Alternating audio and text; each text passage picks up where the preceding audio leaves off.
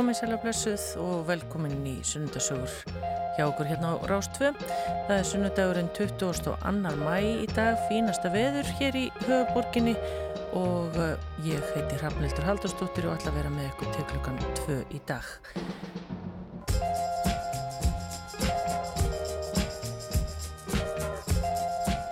Og eins og alltaf í sunnudasögum þá kemur til okkar gestur Í dag er það Dóra Björn Guðjónsdóttir sem er ottviti pírata í borginni og uh, það er auðvitað áhugavert að heyra, það er brjálað að gera hjá henni og uh, ég hafði samt uh, eitthvað lag á því að fá hana til mín hér og bara svona heyra hver er hún, hver er Dóra Björn og hvaðan kemur hún og hvað hefur hún fengist við um æfina og, og ímislegt fleira. Hún er nýbúin egnast svon og uh, hann verður með okkur hér í viðtalinu þannig að það er verður spennandi að heyra hennar sögu hér eftir smástund. En áður en að lengra er haldið og við erum svona að melda uh, kannski hátegismatinn uh, á loknum hátegisfréttum og þá skulum við heyra hér Ellen Kristjásdóttur syngja lægið Elska þig.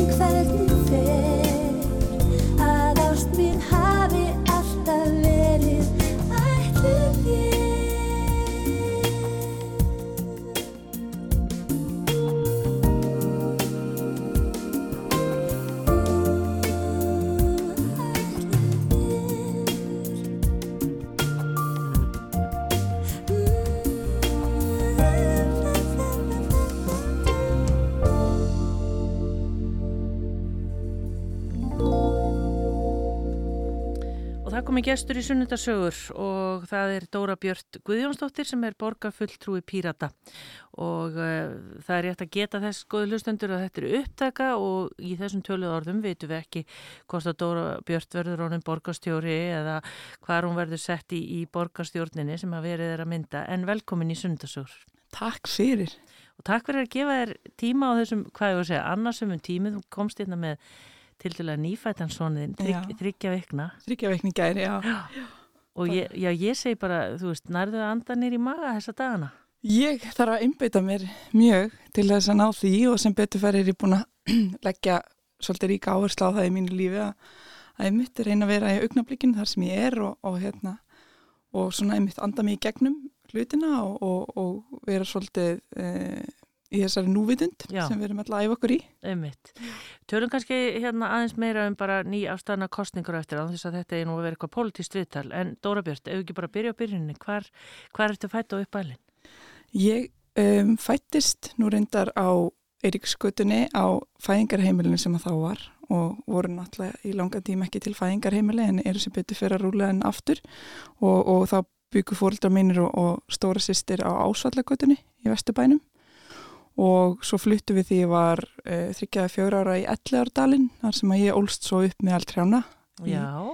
Hérna dásamlega umhverfi, grænu umhverfi e, falleri náttúru fuggla við fugglasöng og hérna mitt e, helsta vandamál því ég var reyna svo að var hvað var, höfðu hátt fugglarnir Já, er þetta eitt af þessum húsum sem eru Já, hvað hefur segið, ekki inn í, grónum hverfum, er þetta bara inn í dalnum eða hvað? Hva? Já, þetta er svona, þetta er einn gata þarna sem er svolítið sérstök, e, þar sem eru nokkur hús og, og mörg koma þarna og, og, og hafa orðaði, hafa aldrei komið þarna áður og finnist þetta að vera svolítið sérstakt og ævindirilegt, þannig að hérna, þetta er svolítið svona eins og einhvers konar svona, hérna, sænsk sveit eða ég veit ekki hvað ég að kalla Er þetta þá sem sagt þarna til dæla fyrir ofan hann að það sem hitt húsið er? Já. Já, þetta eru þau hús. Jú. Um, Hvernig var að alast hannu? Það var algjörlega einstakt og ótrúlega dýrmætt og ég hafði mikið frelsi til að vera úti, var úti bara úti í allegardalum, hlaupandi upp og niður þar og hérna búið til sirkus með nágranna börnunum og og að lendi ævintýrum og baða mig veist, það var bara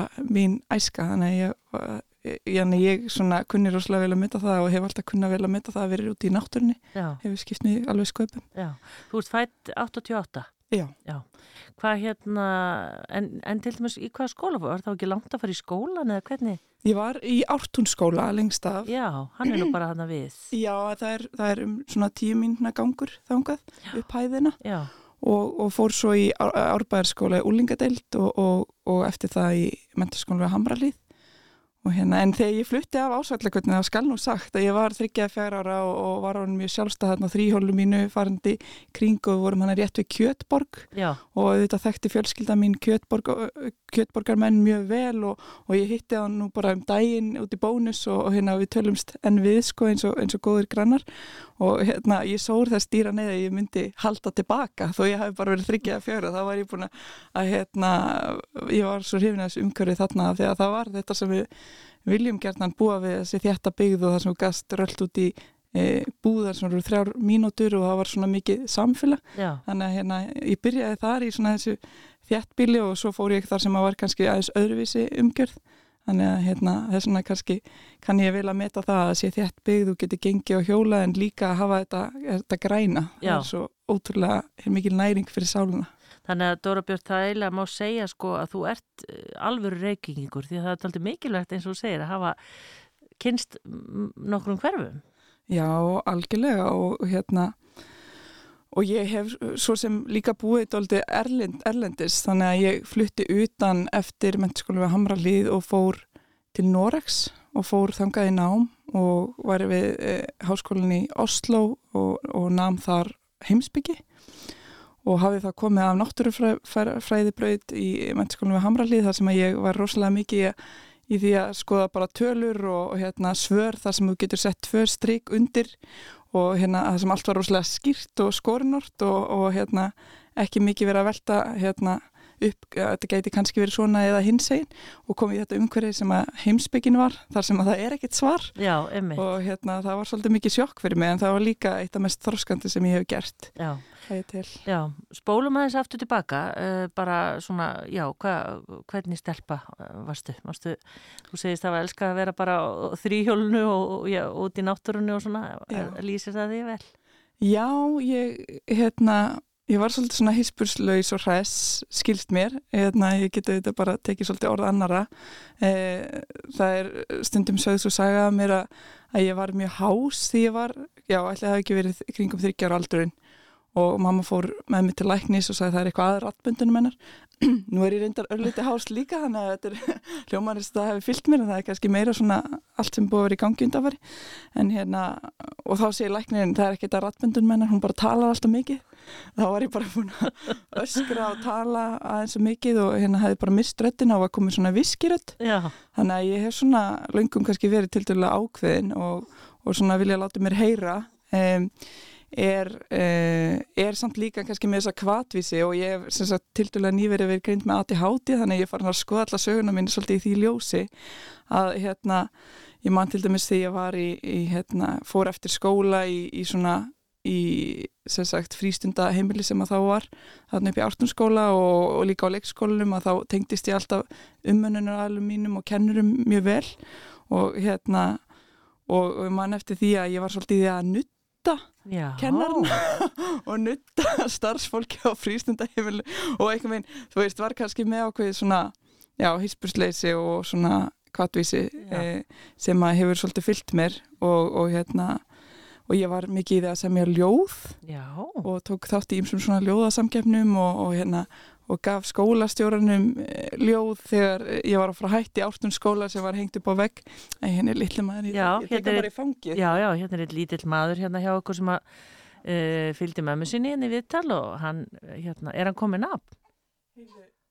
Hann er komið fornafn en við erum ekki farin að segja frá því. Nei, þannig að það er leindam og lenda Við erum svona að reyna að fetta hennar veg. Hvað á maður að gera í þessu, á maður að segja strax frá því eða á maður að hérna, býða eftir að halda einhverja nafnavisli sko, þetta er svona Já, en hann, hann fær aldrei eld skýrnina hjá mömmu síni akkurat þegar hann fæðist að þá bara gerist allt Já, og fyrsti hérna fyrsta ferðinans í vagninum var á kjörstað sko. Já, einmitt, og við fórum á mótumæli þannig að hann er svona farin að fá þessa líraðismendun alveg, alveg um leið. Já, Já og hérna, þetta verður gaman að segja um þess að sögu setna mér Já, einmitt. En, Og þetta er fyrsta barnið þitt? Þetta er fyrsta barn sem ég geng með. Já, eitt stjúpsson, einslegan dreng sem hérna, er þryggja á háls ríflega. Og hérna, hann er hann stóri bróður, stoltur stóri bróður já, já, já Indislegt alveg. En hérna þannig að þú ert svona einhver manneskja, Dóra Björn, sem að allir kennarar mun eftir. Sko... Eða þú varst að, sko, nutta, að þá. Já, ég, hérna, ég held allavega að, að það hafi verið svona allavega svona svolítið sérstaktuð með að ég var að gera þetta og, og var einhvern veginn svona, já, svolítið kvatís og hress og, og stundum með svolítið læti Eh, en, en skila alltaf góðum árangri þannig að ég var eitthvað ekki greind með ADHD af því ég var alltaf með góðan árangur og, og, hérna, og góð próf þannig að við þekkjum það að konur og stúlkur eru minna greindar með ADHD en, en hérna, drengir og menn og út af því að það er eh, svolítið þetta falda Já. element sem Já. er kannski það að ná alveg að, að fungera vel í samfélaginu og setja upp grímur og hérna, það er kannski svolítið það sem ég náði að gera svolítið, ég náði alltaf þessum árangri þannig að það var einhvern veginn engin að hafa neina áhyggjur af mér þó ég var ekki búið með vikuskamtin í starffræði eða hvernig þessum það var af því að ég rumpaði bara fyrir prófið og fekk svo nýju og tíu prófinu, þú veist. Já, en það var samt auðvitað svolítið stressandi og hérna fyrir mig og aðra.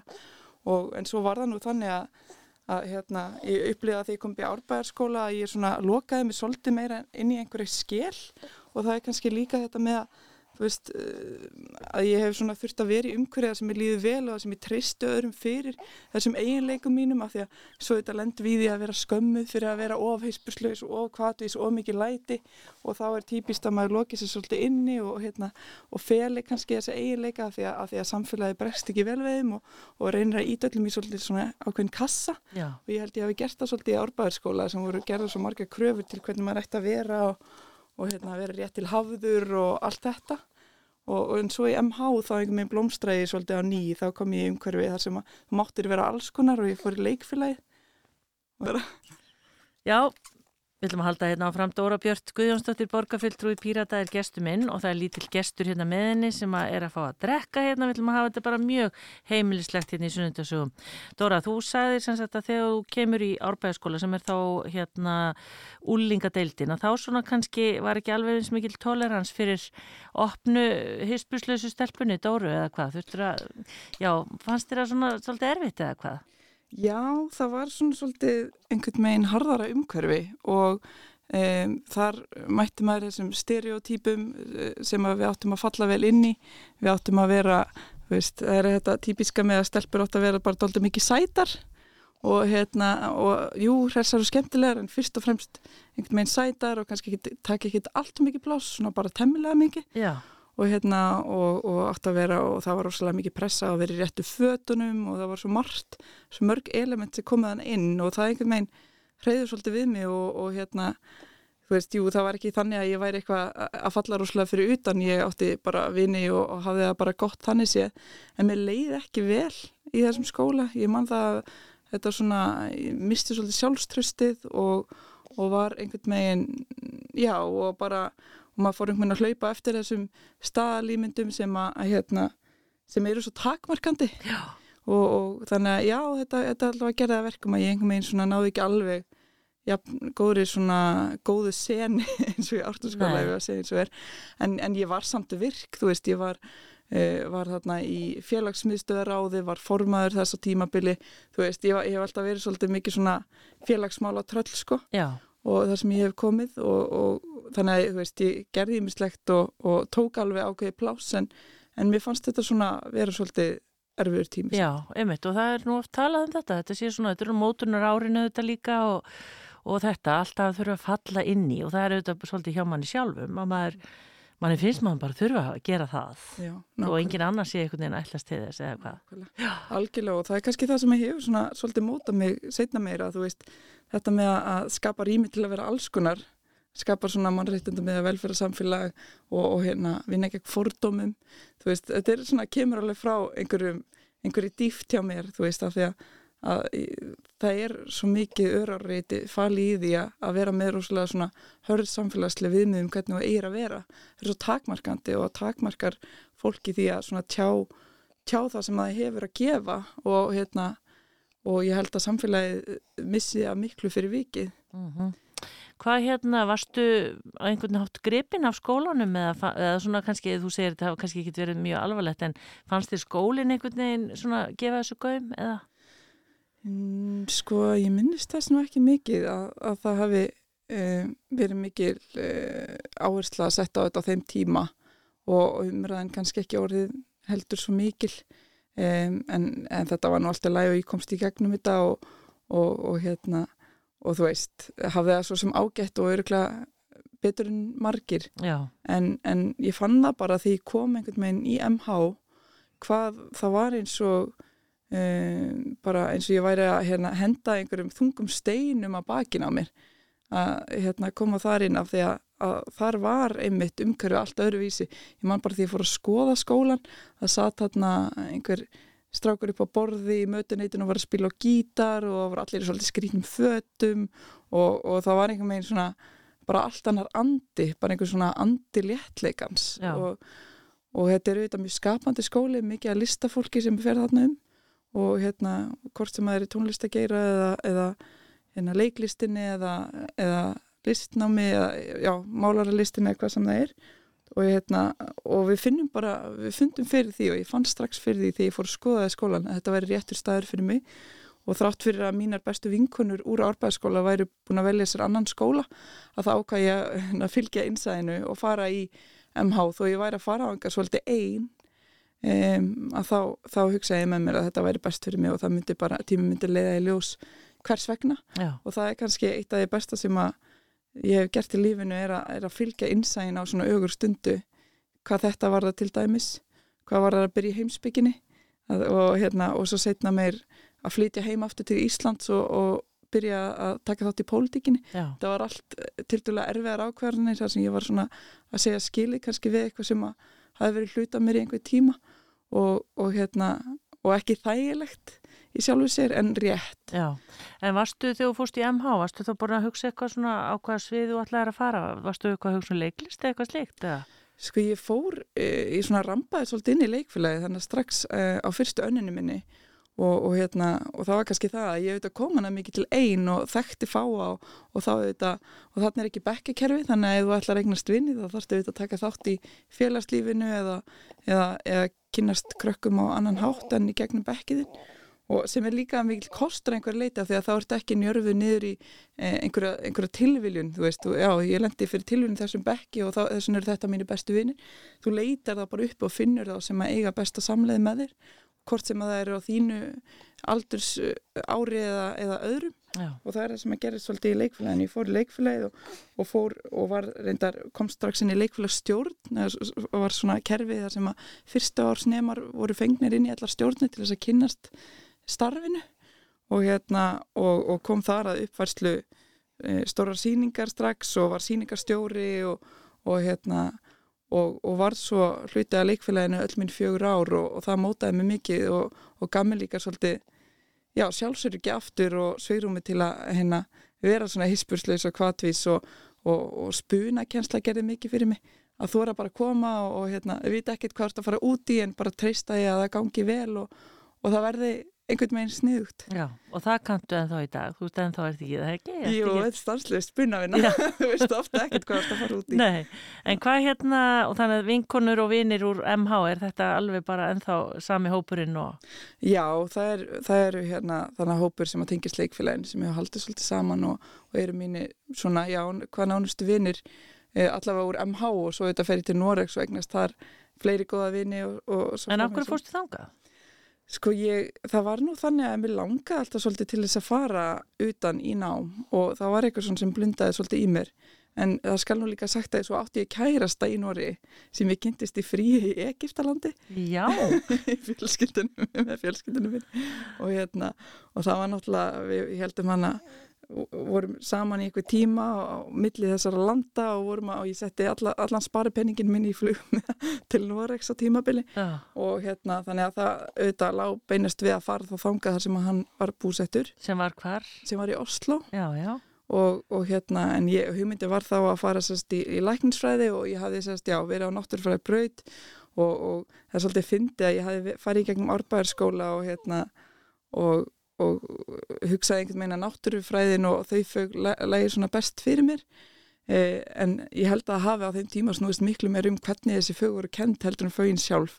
Eftir að higgja, það er ég algjör svona félagsfræði lúði sko, ég elska allt sem að tengist félagsfræði og allar þessar greinar sem að þar líka undir og samfélagsfræðin, þannig að hérna, þetta er alveg mjög mjög fyndi hvernig hérna hvernig það getur mótað svona upplifun þína af námskreinum og námi bara hvernig þetta er miðlað og, og hvernig þú upplifir því í, í þeim stundum þar sem þú ert að læra þetta Já. en ég er alltaf að koma hann úr náttúrufræðinni tvö, tvær hérna veist, í starffræðinni er oft sett svona tvö strík undir svarið og kem út og, hérna, og ætla að fara í mitt í lækningsfræðin en kemst ekki inn og það er nú reyndar ekki svo langt í að ég komist inn en það er mjög erfitt að komast inn hann úti alveg eins og hér en, en það er ekki svona próf, það er bara, eru engunir og, og þú þarf helst bara að vera með tíu meðalengun til að komast inn og, og það er valla að duga, þú þarf að auka stig fyrir hitt og þetta, þannig að það er mjög mjög mikil samkefni en ég kemst ekki inn. Annað valið mitt var heimsbyggi Og, og það var einhver meginn svona eitthvað sem ég var forvitin um og, hérna, og hafði einhver tilfinningu fyrir kemst inn í það og, og hérna hugsaði nú fyrst að ég tek nú bara ári í það að taka upp fög og fer svo í lækningsfræðina og hérna var auðvitað með góðan árangur í skóla og þá er þessi, þetta stigveldi samfélagsins ofta að segja er að fara að gera eitthvað já, þetta vera lögfræðingur eða læknir eða veist, eitthvað svona. Og hérna, og ég var kannski svona einhverju leiti litu að því að þessum tíma.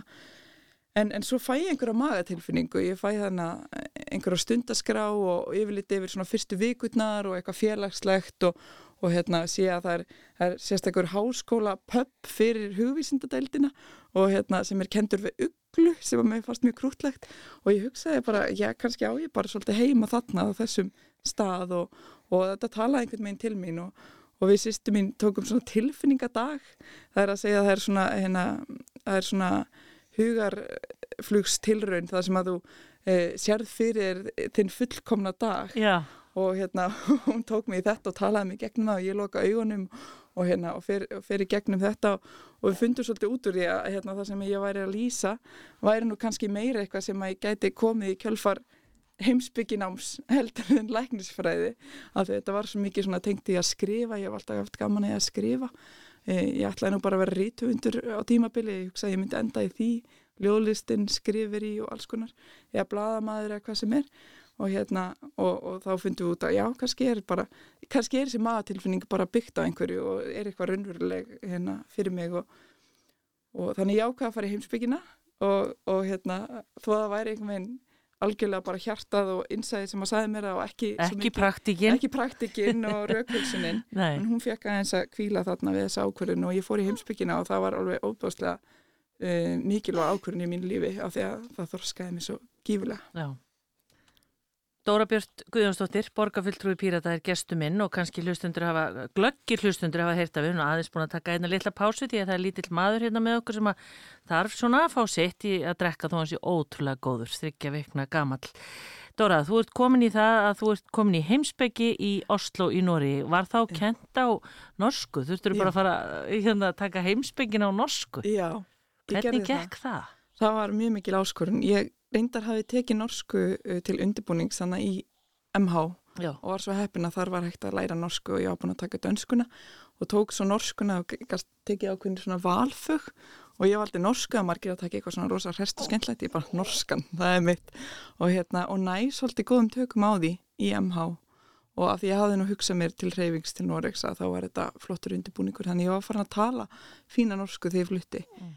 en það er allt annað mála að tala einfalda hverstagslega norsku og það að læra heimsbyggi á norsku.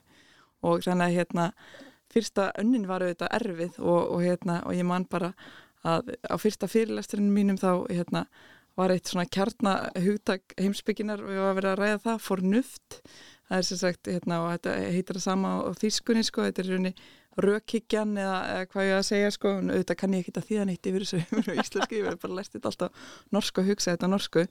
En, og ég þurfti að spyrja sko hérna félaga minn hana hvað þýð þetta, þannig að þú veist ég bara, ég kunni ekki neitt, ekki eins og sko kjarnahugtökin eða neitt og, og hérna þurfti virkilega að grafa mig gegnum þetta og það var mikil áskorun og komið þetta einhver leiti niður og, á einhvernum og öðru en, en ég samt svona komst í gegnum þetta með ágætis niðurstöðum og og, hérna, og læriði bara ofbóðslega mikið þessa fyrstu önn, þessa fyrstu tværan En ertu semst, kláraður þetta nám í Oslo, heimsbyggina? Já, ég gerði það. Þannig að þú ert heimsbyggingur frá Osloar háskóla. Já, ég tók í rauninni tvær bachelorgráður út í Oslo. Ég tók fyrst þessa heimsbyggi og fór svo og tók alþjóðafræði. Já, já. Þannig að hérna, ég svona kláraði heimsbyggina var svo líka aðeins að vinna, tók smá pásu og var að vinna og var eh, grunnskólakennari samlega náminni heimsbygginni var ég aðeins að vinna á leikskólum og svo var ég grunnskólakennar og svo var ég að vinna á söpnum, ég var alltaf verið að vinna á söpnum fyrst á árbæðarsapn alltaf á sumrinni kom heim og var að gæta auðvitað norskum túristum Já. og auðvitað bara öllu frá Skandinavi og, og hérna ekki bara það auðvitað líka ennsku og eins og þetta er allt saman, þetta er svo margir hópar sem koma. Og, og en það ég bjóða því að tala norskuna og, og var svo líka að vinna á söpnum út í Nóri þannig að ég var fyrir tilvíðin að vinna á mörgum svona stopnum sem að falla svo undir sveitastjórnir þar sem að það var mjög gaglegt að ég kom inn í þetta starfa að hafa, að hafa unnið þarna og hafa verið umverulega grunnskólakennari, var það hálft ár Og grunnskólakennari í norskum uh, grunnskóla? Já Og komandi frá Íslandi, þú, það, þá hlýtur nú að hafa verið komið alveg fína norsku sko. Já, ég var komið mjög goða norsku, alveg reybrennandi og það var svona það var ekkert alltaf sem að heyrðist að ég væri útlendingur og, og bara oftast ekki sko. En ég tala alveg þannig og, og, og það var mjög skemmtlegt að ég var með, með stuðningskerslu í, í norsku fyrir börn með annað móðmál en norsku sem var hluta hérna, því sem ég var að kenna. Já, þannig að hérna, ég var komin þanga og var að kenna sjöndabekk samfélagsfræði og náttúrufræði og var með fyrsta bekk líka í einhverju stuðningsfögum og hérna og var svona fagkennari og heitir, ég var ekki umsjónukennari en ég var fagkennari fullu starfi. Þannig að það var auðvitað mikil eldskýrn auðvitað líka þetta á öðru tungumáli. Og að vera, og vera kennari sko og vera trist fyrir því það var auðvitað stórst að því ég var ekki Þú hefur ekki verið gömul þarna, þú hefur hvað, 20 ég, Hvað ég verið, maður sjá, 24 fjara, þryggja fjara, fimm, ég manna ekki, manna ekki nákvæmlega, sko. það er, Þriggja, já, það er hérna, það er aldrei í reynslu bankan. Já, það var útrúlega skemmtileg og áhugaverð upplifin. Og ég ber mikla, hérna, virðingu fyrir kennurum eftir þetta starf, þetta var alveg því líkt já, það ekki. e, mikil áskorun, Já. sko, krefendi. En hva, hvað eru þá, ertu alltaf í sambandi við strákin þannig, eru þið saman eða ertu, er þið neyn eða hvernig? Við, við syns, já, nú lengs að segja, við vorum saman hann að fyrsta árið úti, svo hættu við saman og en ég ákveða að vera áfram Já, úti. E, og það, hérna, þú stóð bara að búa sjálf eitthvað. já, Já, þá bara flutti ég í bara svona kollektív sem það heitir. He, svona, eh, svona, já, herbergja herbergja sambilið eða hvað ég að segja. Við vorum hana nokkur saman og það er svona mjög típist format úti að stúdendar eða ungt fólk tekur sér saman og leir íbúð. Eða einhverju kannski með leigusamningin og er svo að fá fólk inn í herbergin. Já, og hérna, og ég bjóð þannig í nokkur ár og, og, og árið setna hitti ég svo nýjan kærasta sem ég á með í sex ár og, og hérna og við förum þannig að einhverju tímpundi að búa og ég ætla náttúrulega bara ekkert að koma heim ég ætla Nei. bara að vera úti var Dóra orðin bara norsk. ég var orðin mjög norsk og var búin að taka heimsbyggina, alþjóðafræðina og, og hérna og var orðin framkvæmdastjóri stúdendaþings Osloar háskóla Já, Þannig að ég var bara komin á, hérna, já, svona svolítið út í stúdendapólitikina en, en samt var að vinna í rauninni við þetta utanumhald sem framkvæmdastjóri. já, því að, Hérna, en svo, já, en svo barti tíðenda, sko, að ég ætlaði ekkert að, ekkert að koma heim en, en svo kemur 2016 og Panamaskjölin og, og hérna, og, og svona í kjölfar hrunsins var ég farin að skrifa svolítið greinar e, í íslensk blöð frá Einmitt. svona sjónarhortni Noregs og hérna og, og kannski með svona gestsauga svolítið farin að fá af því að það sem er svo merkilegt í Noregi er að það er svo mikil svona líðræðis ást og mikil áherslu á gagsægi og það er fólki svolítið í blóð borið já,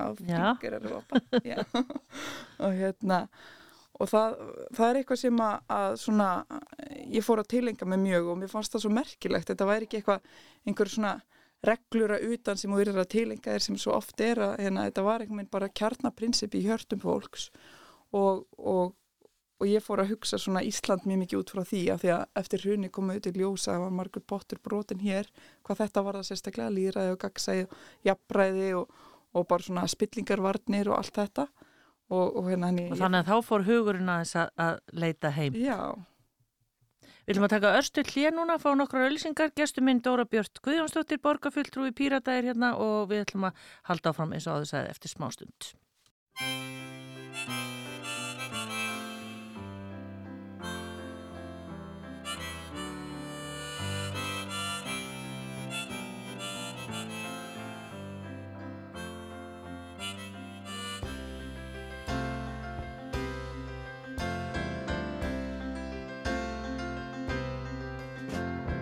Nine o'clock on a Saturday. A regular crowd shuffles in. There's an old man sitting next to me, making love to his tonic and gin.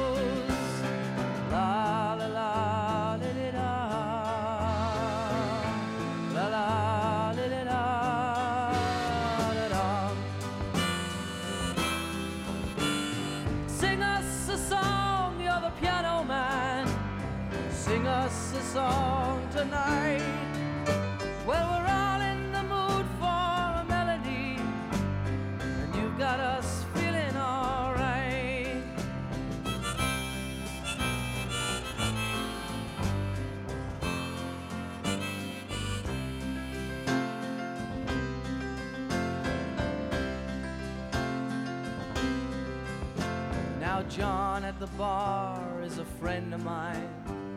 He gets me my drinks for free. And he's quick with a joke or to light up your smoke. But there's some place that he'd rather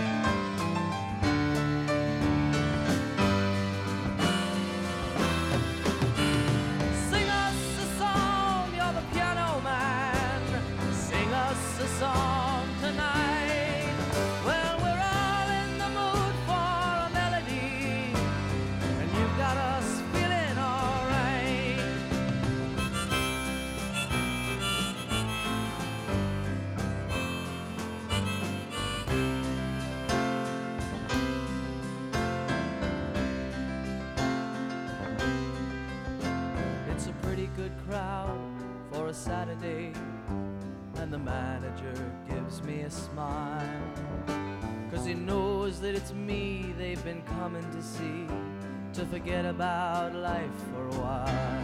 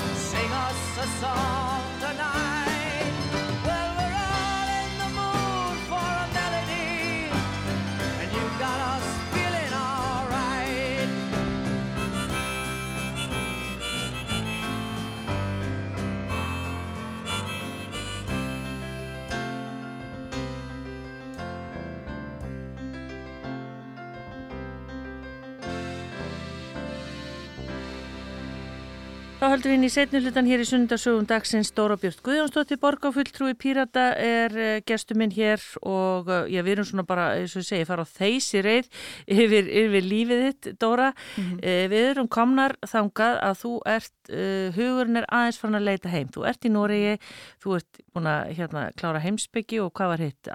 Alþjóðafræði. Alþjóðafræði, búin að vera kennari, farin að skrifa greinar í blöð og tímarit hérna heima. Mhm. Uh, Panama skjölin og allt þetta hvað hérna hvað langaði þig að, að hérna, fara að skipta þér að málunum hérna heima eða hvað? Sko, um, já og nei, mér langaði alveg til þess að taka þátt í þessari ofnböru umræðu og, og, það, og vera minn í Nóri allir því að ég fór svona að hafa áhuga á sem samfélags og stjórnmálum hérna á Íslandi um, og, og fór að einmitt hugsa hvernig við getum gert þetta öðruvísi. Það er svo merkileg upplifin að búa í útlöndum. Bjóðum þetta í Nóri, ég fór líka í skiptinam til Berlínar, var þar í hálft ár.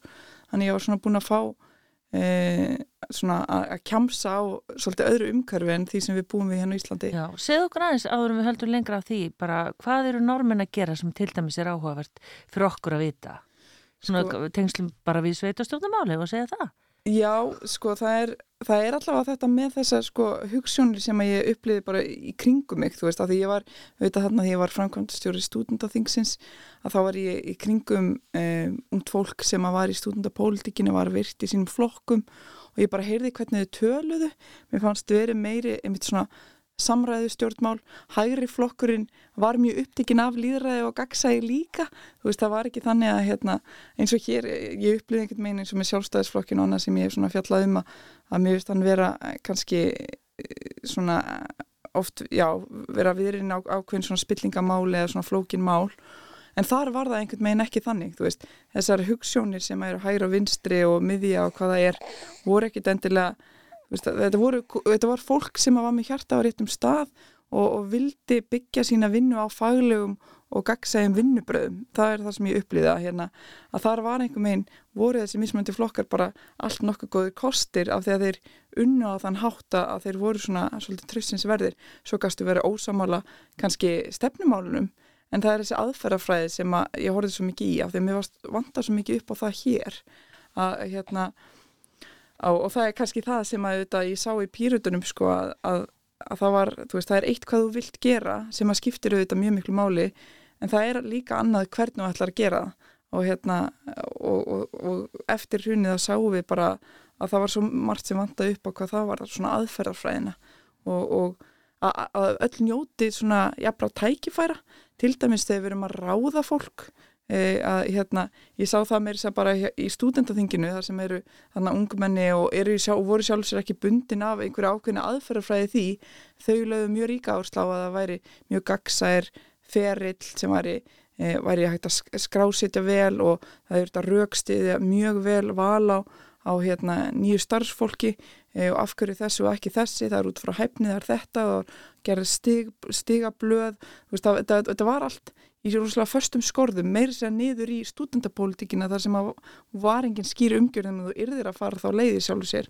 Og, hérna, og hvað þá uppi hjá stjórnmálaflokkunum og, og bara í hennu ofinbera þetta var svona, mér fannst vera mikil áherslu á þetta við það þar sem ég kom. Og, og þá upplýðir svolítið svona já, hér, hér skiptir ekki máli hverra manna þú ert. Hér getur bara verið á þínum forsendum á þín einn verleikum og með einhverja góða mentun eða reynslu sem skiptir máli fyrir samfélagi þú færð að njóta þess að nýta þá krafta þá í þá almannahags. Á meðan ég sá fyrir mér að ef ég myndi flytja heim til Íslands að ég var búin að fá þarna ákveðna reynslu, ákveðna þekkingu uh, búin að menta mig og, og ég hugsaði með mér já ég er ekki tengd réttum aðilum þannig að ég mun aldrei fá neinn tækifæri og, og, og ekki bara fyrir mig ég hugsaði til svo margra annara sem hafa upplifað þetta hérna á Íslandi og mér bara sveiði þetta og hérna þetta er svona, þetta bara hérna einhvern veginn setti svona réttlætiskendina alveg á flug sko, kveikt undir henni að hérna, þú veist, þetta má ekki vera þannig. Og þetta er líka bara dýrkjöft fyrir samfélagi þegar samfélagi verður af upplugu fólki til dæmis sem geta komið og starfa fyrir sveitafjölu, fyrir ofinbæra ríki eða hvað sem það er út af því að hérna, fólk þekkir ekki rétt aðila, þú veist, þá er það bara dýrkjöft fyrir okkur öll, fyrir samfélagið og, og, er, og er sorglegt í sjálfur sér. Já, ömmit. Þannig að þá, þá tekur þú bara ákvörðun að setjast upp í flugil og fara heim eða hvað? Og hvað er 2016? 2016, það var ekki alveg svo einfalt. Ég nefnilega, já, ég ætlaði sérst ekki að koma heim. Ég var hérna með sambílismann, við vorum búin saman í sex ár og ég ætlaði sko ekkert að fara. Ég átti hérna líf fullt af góðum vinum og búin að byggja upp bara, bara indistlega tilveru og, og vildi ekki yfirgefa hana vegna þess að Oslo er bara frábær staður að búa og, og með leiði mjög vel þar. Já. En eh, svo komið mitt Panamaskjölinn, það það er ákveðið að búa til nýra kostninga og ég var búin að fylgjast aðeins með pýrutunum og, og hafi svona verið hlutaflokknum en, en samt ekki verið að skipta mér auðvitað mikið af enda bjói Erlendis. En, en sá að þetta var flokkur sem að skildi þessa hugmyndafræði, það sem að ég sá þetta varðandi þessa, þessa réttlætis þætti, ja, hvernig við sköpum réttlátt samfélag. Og, og hérna og mér fannst þetta að vera eitt flokkar sem að tala í þá veru og, og hafði upplifað þetta og skildi þetta vel en það eru margi kjörnu fulltrúar og margi sem hafa komið á stopnum flokksin sem að hafa búið erlendis og hafa séð þetta sama og ég hafði séð. Og, og, hérna, og þarna hugsa ég að þarna voru tækifæri til að, að þessi flokkur kemist kannski til valda og gæti breytt einhverju til frambúðar á Íslandi. Og ég hugsaði með mér ég vil gera allt sem ég get til þess að svo verði Þannig ég ákveði að koma til Íslands og vera einu í tvo mánu einfallega til þess að hjálpa til við kostningabaráttuna og ætlaði þess að bara fara aftur út. Ég var þarna að hefja mistarnám í stjórnmálafræði og ætlaði ekkert að, koma heim en ætlaði að fara þarna og hjálpa þess til. En það verður til þess að ég snýpar ekkert aftur og ég finn mig svo í þessu umhverfi. Ég er hann að sjötta sæti á lista, vildi bara vera lista svona til þess að geta bara ljáð málstanum lið og, og hérna verið uh, þar sem að uh, þurft á mér að halda í, í samfélaginu til þess að hérna, þú veist eins og hvernig þetta er í kostningabaratu, þú ert að fara við það og svo framvís en ætlaði svo bara að koma tilbaka en, en ég gerði það ekki og, og, og, og sæði þarna skilið við þennan sambilismann minn og hérna kærasta til nokkura ára. Og bara þetta gamla líf sem var búið að vera já, minn heimur í sjö ár og í raun mín svona þroska ár þar sem ég fer frá því að vera bara barn eða ungmenni verið að vera fullori manneskja og, og af því að ég finn bara að þarna er ég komin á rétta hillu og, og þarna fylgja aftur innsæinu og hérna og þó að það sé erfitt og þó að það hafi verið sárt að mörgu leiti, þetta var erfiður prósess og þetta tók svolítið langa tíma einhvern veginn komast alveg í gegnum þetta að þá var þetta rétt fyrir mig vegna þess að, að það síndi sér svo að ég hafiði annað í kortónum og hafiði tækifæri til að, að láta gott að mig leiða hér og, og þannig að, já, sem já. betur fyrir þá, þá síndi það sig að þetta var rétt ákveðin. Já, en þegar þú ert þarna á sjötta sæti listans, uh, þá, hvaða hlutverki geng, gengdur þá, þegar afloknum kostingum? Sagt, þá, ég, ég var ekki svo sem formlegu hlutverki þar, sko, ég Bara baku tjöldin svolítið? Já, já, það hafi bara verið bara, bara, já, bara mjög öflug í baráttinu að hjálpa til og jú, ég hafði farið við til hér og þar, jú, ég var eindir orður formaður þarna ungra pírata já, já, já. Og, og hérna, og hafði svona leitt e, baráttuna fyrir höndu unglega hreyfingarinnar og, og svona komið við og farið, þú veist, maður fyrir þetta ímsa skóla að segja frá og gera ímislegt, þannig að ég hafði hafi gert það og, og komið víða við og svona aðeins fengið að smakka því hvernig, hvernig það er að vera í svona pólitískri vinnu og ég fann bara að þetta var rétt, þarna var ég að taka mína innri gremju, gagvart þáverandi og kannski enn núverandi að mörguleiti e, svona valda kerfi og hvernig stjórnmálin eru fungirandi og, og gætt setta í einhvern skýran farveg og nýtt þá orku, þessa gremju í einhvern jákvæðan farveg. Og það var mjög gott fyrir mig og ég, það var holdt það er svolítið erfitt að hérna, sitja með svona mikinn pyrring og uppsafnaða svona e, já, uh, gremju og, og svona reyði já, og geta kannski einhvern veginn ekki ljáði í einhverja. Svo Nákvæmlega. sá ég hérna því þú hefur nú komið til okkur áður í til dæmis síðdeis útarpið, uh, þá man ég að það var eitthvað tíman út á svona aðgengismálum fyrir fatlaða Já, og svo sá ég hérna inn á VF Reykjavíkuborgar svona aðeins um þig sagt, og störf og fyrir, fyrir um störf að þú ert hérna 2018 þá ertu aðstofa kona fyrir fatlaðan mann semst í hlutastarfi. já, Segðu eins af því, hvað hérna, já ég sem sagt það er svo, ó, það er svo, svo skemmtilegt líf það er svo margt sem er gerist sem er svo indislegt já, ég hérna ég, um, ég allavega já, ég kem hana 2016 ég fer svo út og er að vinna á Evrópuþingi um, sem sagt í Brussel hana hálft ár, kem svo heim og, og tek þátt í kostningabortinu 2017 aftur, er það í þriðasæti e, og, og hérna og svo er ég einhvern meginn þarna um, um veturinn er ég í, í sagt námi, er þá komin í mistarnámi í alþjóða samskiptum hérna heima. Og, og var í þessu svona samhliða um, að aðstofa þarna indislegan mann sem er, er vinnu minn í dag. E, við það að hann var að nema e, líka við háskólan og, og var þarna í í sagt föllunarfræði og ýmsum greinum sem er svona hluti af uh, af svona námi sem að býðist uh, sérstaklega fölluðu fólki sem kannski þurfa aukinn stuðning uh, sem að hérna, ég mann ekki alveg hvað þetta nám heitir en þetta er mjög, mjög flott og var metnaða fullt þar sem að þau voru svona hinn í mýmsu greinum og, og þegar ég var þarna var það sérstaklega föllunarfræðin sem var uppi á pallborðinu. Og, og þannig ég sagt var með honum í þeim tímum og aðstóðið að því að hann er með svona, já, ákveðna þarf aðstofið svona hitt og þetta bæði líkamlegt en, en líka kannski svona andlegan stuðning einhver leiti og, og hvernig einsýn fær maður í lífið með svona vinnu? um, mér fannst ég svona skilja betur til dæmis þú veist það var bæði auðvitað þessi vinna bara fyrir þennan frábæra vinnminn og, og að, að hérna læra á það hvernig sko NPA hugmyndafræðin eða hugmyndafræði samnings saminu þjónum réttindi fallast fólks fungerar það er að segja þessi hugmyndafræðum sjálfstætt líf og hvernig stuðningur á að vera á forsendum einstaklingsins sem að hlýtur stuðningin og, og við erum auðvitað að fara úr samfélagi þar sem að var komið mjög illa fram við falla fólk mjög lengi. E, það var jafnvel talað mikið niður til þeirra og þau fengur stuðning og, og hérna en sem var kannski bara eitthvað sem var algjörlega ákveði af hendi hins ofinbera, ekki hlusta mikið á rattir fallast fólks, það hefur verið mikið vandamál.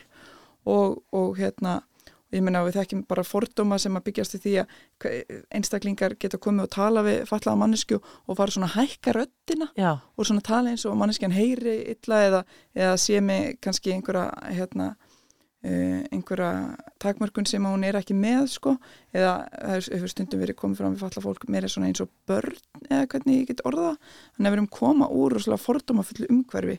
Og þarna lærði ég kannski enn meir um það sem ég hafði svo sem lært um að ég á fleiri auðvitað fallaða vini og hafði verið að vinna stefnumótun sem að tengist uh, hérna fölluðu fólki og, og hafi verið að kynna mér þetta mikið að hvernig, hvernig er mikilvægt að veita hennar stuðning að forsundum notandans, þú veist, þú ert ekki að segja þeim fyrir verkum, þú ert ekki að hafa vit fyrir einstaklingum sem þú ert að stýða þú ert bara auka hendur og fætur já, og rödd kannski eða einhver stuðningur, reyna að hjálpa einstaklingum að svona stundum að ná út kannski einhverjum bara þeirra vilja, bara stýðja við þeirra vilja og styrkja hann.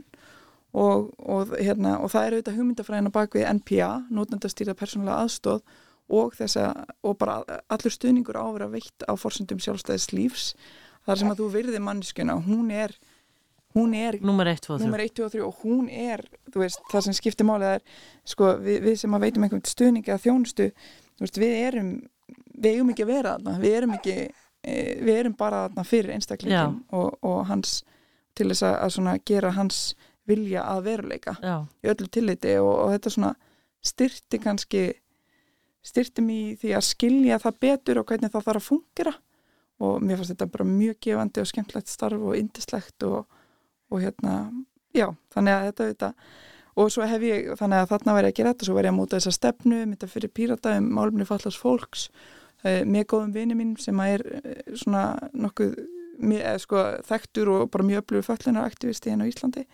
Og, og hérna og fór svo einmitt út í pólitíkina hefur verið formaður náttúrulega mannréttindarás, mannréttan ísköpun og líraðisrás, hefur verið þessari aðgengis og samráðsnefndum málum fallast fólk sem ég kom reyndar að því að móta líka í grunninn og til samþyktinnar þegar byggt á nýjum lögum á sínum tíma og, og hafði þá þetta inn þessa þætti mjög sterklega.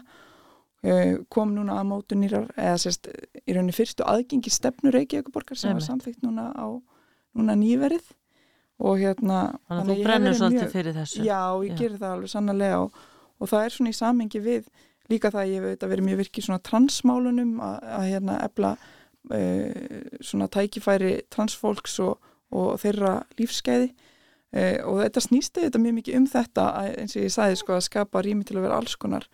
Og ég trúi svo svona á það í mínum svona hjartarótum að að þannig sé samfélagi betra fyrir okkur öll út af því að þetta tengist líka svolítið heimsbygginni séðu til. Já. út af því að hérna, það er svona hugmyndafræði sem að, að hérna, sem að snýra því hvernig við erum að móta samfélagið. Og það er nú gaglíkt að ég hef verið að læra þetta og fór að gera það. Að hérna, er til dæmis sagt, einn heimsbyggingur eða, eða stjórnmálafræðingur eða hvað vil kalla sem heitir Rawls. Og hann eh, var með svona hugsunatilröðin sem að, eða, hérna, já, svona hugsunatilröðin sem að heitir á ennsku The Whale of Ignorance eða slörið eh, slör eh, þekkingarleisis eða hvað ég kalla og, og þá segir hann í rauninu að þú ætti að móta samfélagi þannig að þú sért með slör yfir því að þú vitir ekki hvaða, eh, hvernig þú mynd vera í samfélaginu.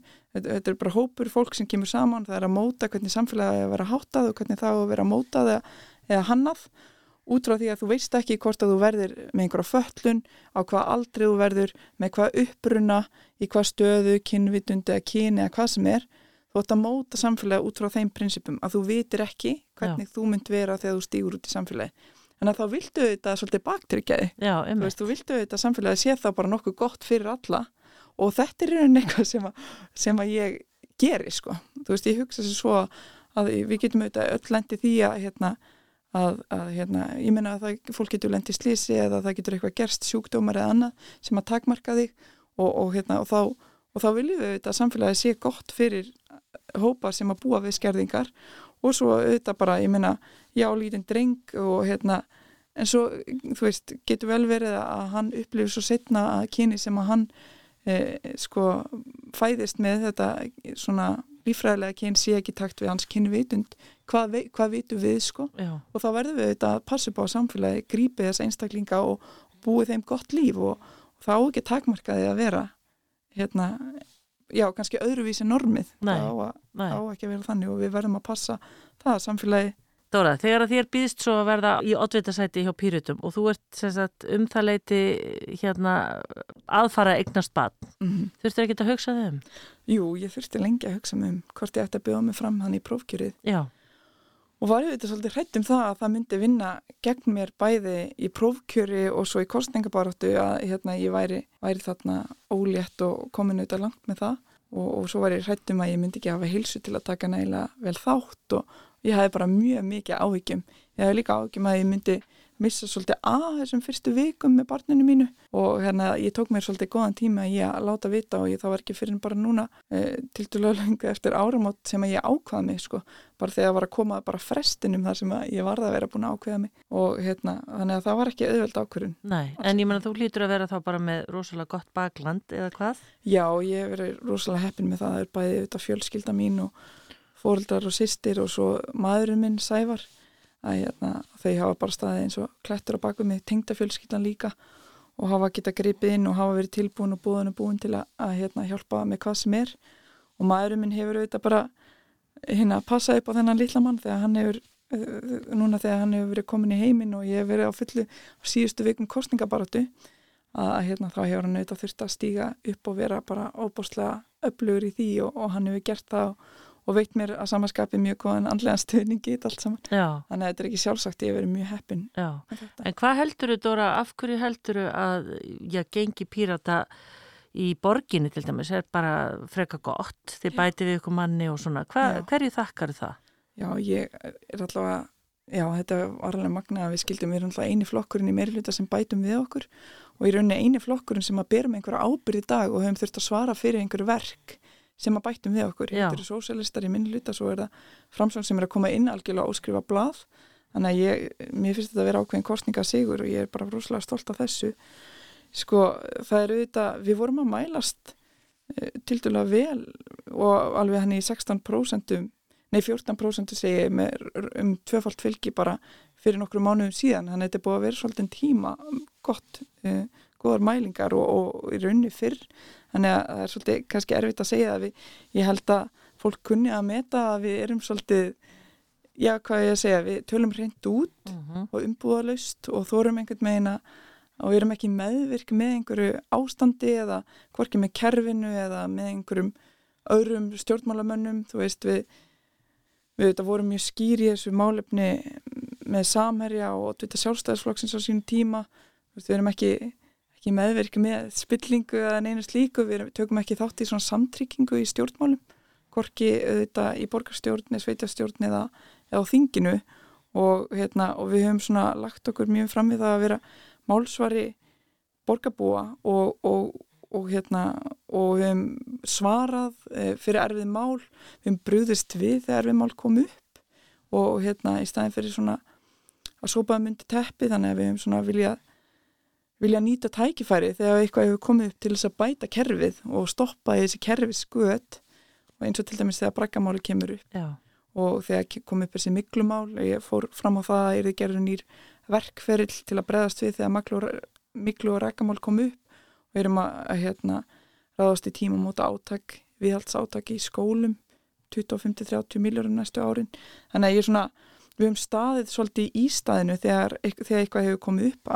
Annað dæmi er um, að hérna ég fæ svolítið eh, svona umdelt máli fangið þegar ég kemur inn í borgarstjórn. Annað en brakkamáli það er einn ráðning sem var til dælu umdelt já, á einum æðsta stjórnanda þarna.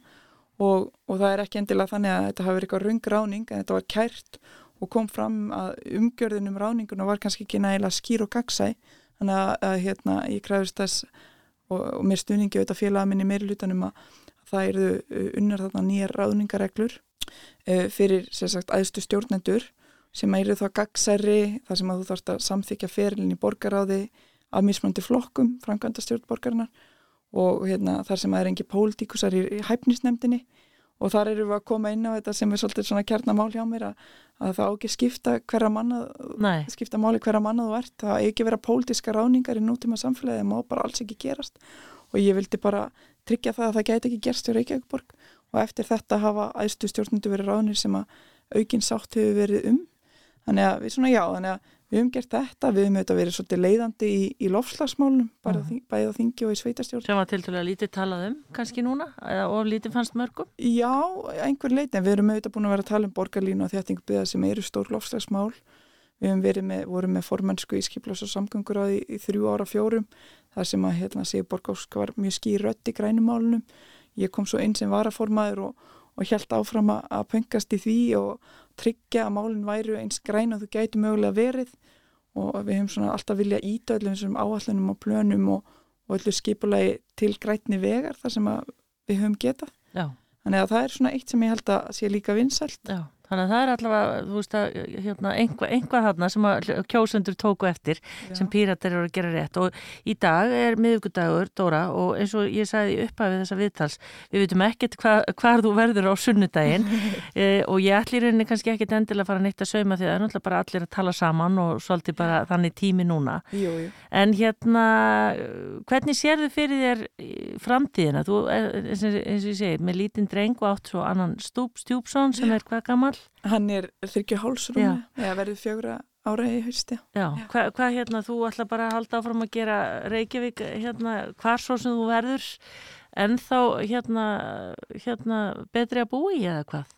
Já, en réttlátara og enn grætni. Já, Já. það er ekki hægt að byggja meira. Nei, þetta er svona mitt hjartansmál. Já, en ef að Dóra Björk, Bjó, Dóra Björk er að leika sér og langar að gera eitthvað skemmtilegt, hvað gerir hún þá? Fyrir út á land, fyrir út að ganga upp á fjöllum eða út í náttúrunni einhver staðar um, annarkort með ferðafélaginu eða bara góðum vinum. Já, þessi fær póka þá veintilega á baki Já, þessi verður reglulega svolítið mikið í póka Þannig hérna, mjög, ég elska að ferðast um Ísland. En að það er svolítið fyndið í COVID að voru margir sem að söknu þess að fara til útlanda, ég saknaði þess mjög lítið. Mér finnst bara yndislegt að vera í Íslandi og vera einhver staðar í svona óspjallari náttúrinni og, og, og hlusta á, hérna, já, fuglana og, og flugurnar og, og finna lyktina í grasinu og þannig að það er svona þar sem ég held ég unni mig best. Já, og það er svona eitthvað þannig sem allar að gera í sumar. Já, öruglega, ég er auðvitað eina að, hérna, að tjastla mig saman eftir fæðingu sem var krefjandi og þannig að það var kannski ekki jafn langar göngur og ég hefði viljað, ég fór á Hálendi síðasta sumar og þar á undan fóru, fóru, fóru ég á Hortstrandir þannig að ég mist gott að fara í eina svona langa góða göngu hverju sumri en ég veit ekki alveg hvort ég muni hafa þrekið að hilsiða í sumar en svo er það að flytja? Svo erum við að flytja, við stöndum til því að við erum að, að taka í gegn hana íbúð alveg frá grunni sko. Þannig að hérna, það er allt í gangi í einu. Þannig að það verður flutningur líka í sumar og margt að gerast. Já, en allavega voruð þið verkefni. komið og kostningarnar eru búnar Já. og staðan er óviss en takk fyrir að gefa þið tíma til að koma í sundasögur, Dóra Björn gaman að koma. Og hérna gangið vel og, og hérna verður spennandi að heyra hvaða nafn litli prinsinn fær. Já, og svo eins og, eins og ég er búin að nefna nokkur sinum hvar, hérna, hvert pólitíkin leiðir þig Dóra Björn Guðjónsdóttir Borgafulltrúi, Pírata takk fyrir komuna í sundasögur takk fyrir mig has already been burned down. I'm going to a place that has already been disgraced. I'm gonna see some folks who have already been let down. I'm so tired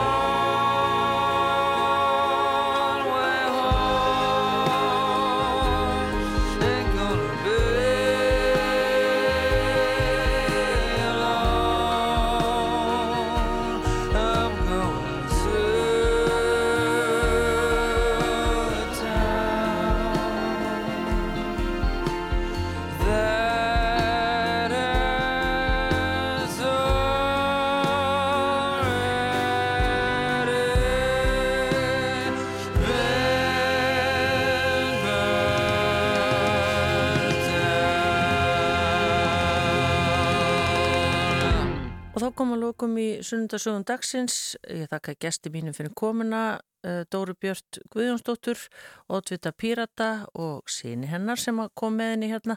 Ykkur fyrir að hlusta og eh, ég verð með ykkur uh, einhver tíman á næstunni aftur í þessum þætti en við ætlum að enda þetta hér á nýju lægi með Svapni Sigurðarsinni og það heitir Allt of Gamall. Takk í dag. Bless, bless. Komundir að hausti, hann fættist um vor. Honum var ætlað að fylla þau spór Sem pappi gamli hafði tróðið hér áður. Í áttunni var hann svo svalur og klár Með uppbrettar ermar og ótrúlegt hár. Smáræðis kók og spýt en varð aldrei háður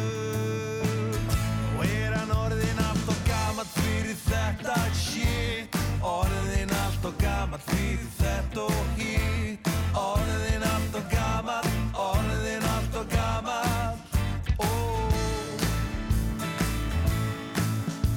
Og strax eftir MR tók lögfræði próf. Þá var enginn með kvíð og ekkert einhverfu róf. Og kallinn var smátt og smátt helviti fjáður hlustað á Collins, Clapton og Sting. En tískan hún fegur ekki alltaf í hring. Á þetta rap getur enginn hlustað alls gáður. Og er hann orðin allt og gamall fyrir þetta shit. Orðin allt og gamall fyrir þetta og hitt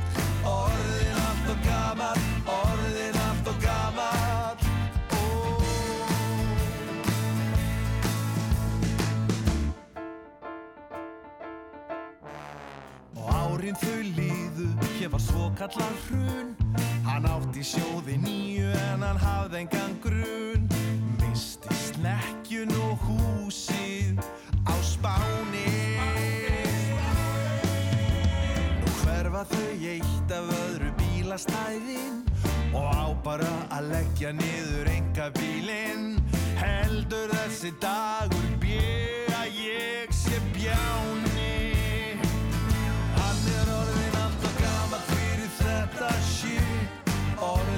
とかま